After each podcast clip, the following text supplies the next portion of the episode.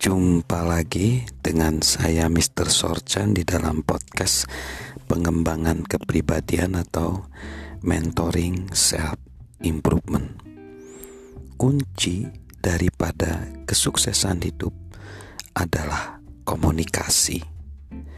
Saya meyakini lebih dari sebelumnya bahwa komunikasi yang baik dan kepemimpinan adalah berbicara tentang bagaimana menjalin hubungan. Jika kita dapat berhubungan dengan orang lain di setiap tingkat, secara pribadi, dalam kelompok, dan dengan sekelompok pendengar, hubungan kita akan lebih kuat. Kesadaran kita akan komunitas akan meningkat. Kemampuan kita untuk menciptakan kerjasama tim meningkat pengaruh kita akan meningkat dan produktivitas kita juga bisa meroket. Apa yang dimaksud dengan menjalin hubungan? Menjalin hubungan adalah kemampuan untuk mengenal orang lain dan berhubungan dengan mereka dengan suatu cara yang meningkatkan pengaruh kita atas mereka. Mengapa itu penting karena kemampuan berkomunikasi dan berhubungan dengan orang lain menjadi faktor utama untuk mencapai potensi kita. Agar kita sukses, kita harus bekerja dengan orang lain, dan untuk melakukannya dengan cara yang terbaik, kita harus belajar menjalin hubungan.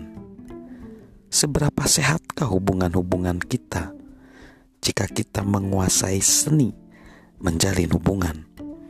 Akankah pernikahan dan keluarga kita akan semakin baik? Betapa bahagiakah hubungan-hubungan yang akan kita jalin dengan teman-teman kita? Seberapa baikkah hubungan-hubungan kita dengan sesama jika kita dapat menjalin hubungan baik dengan mereka?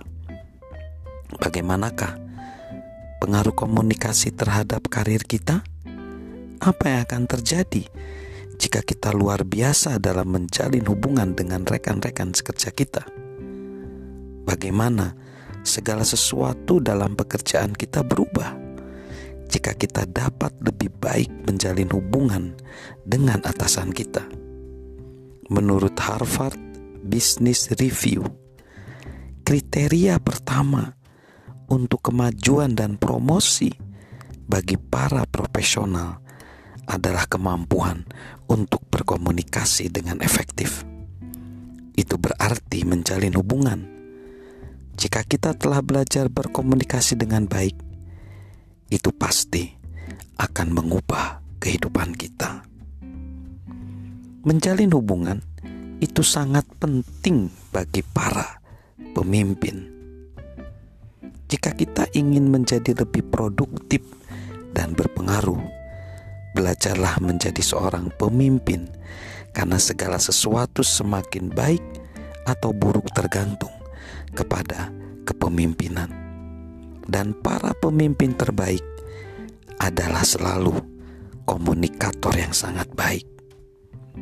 Jika kita tertarik tentang sebuah studi kasus dalam hal menjalin hubungan dan konteks kepemimpinan, yang perlu kita lakukan adalah mengamati para presiden Amerika.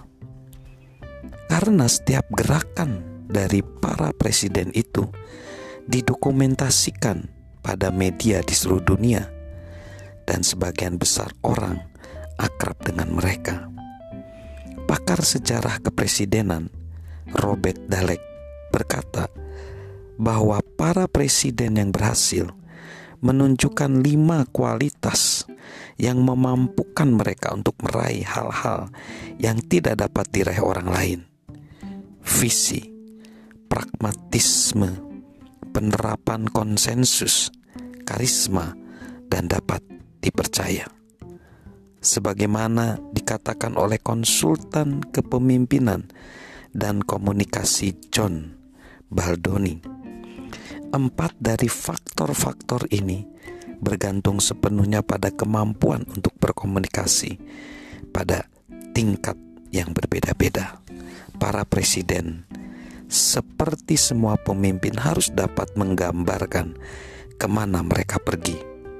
Itu visi, mengajak orang lain untuk berjalan bersama dengan mereka, konsensus, berhubungan secara pribadi karisma, dan menunjukkan kredibilitas, yaitu melakukan apa yang mereka katakan akan mereka lakukan. Artinya dapat dipercaya. Bahkan pragmatisme bergantung pada komunikasi. Jadi, sesungguhnya keefektifan kepemimpinan baik bagi para presiden bagi siapa pun di posisi otoritas sangat bergantung pada keterampilan berkomunikasi yang baik. Dan bergantung pada apakah keterampilan berkomunikasi yang baik tersebut?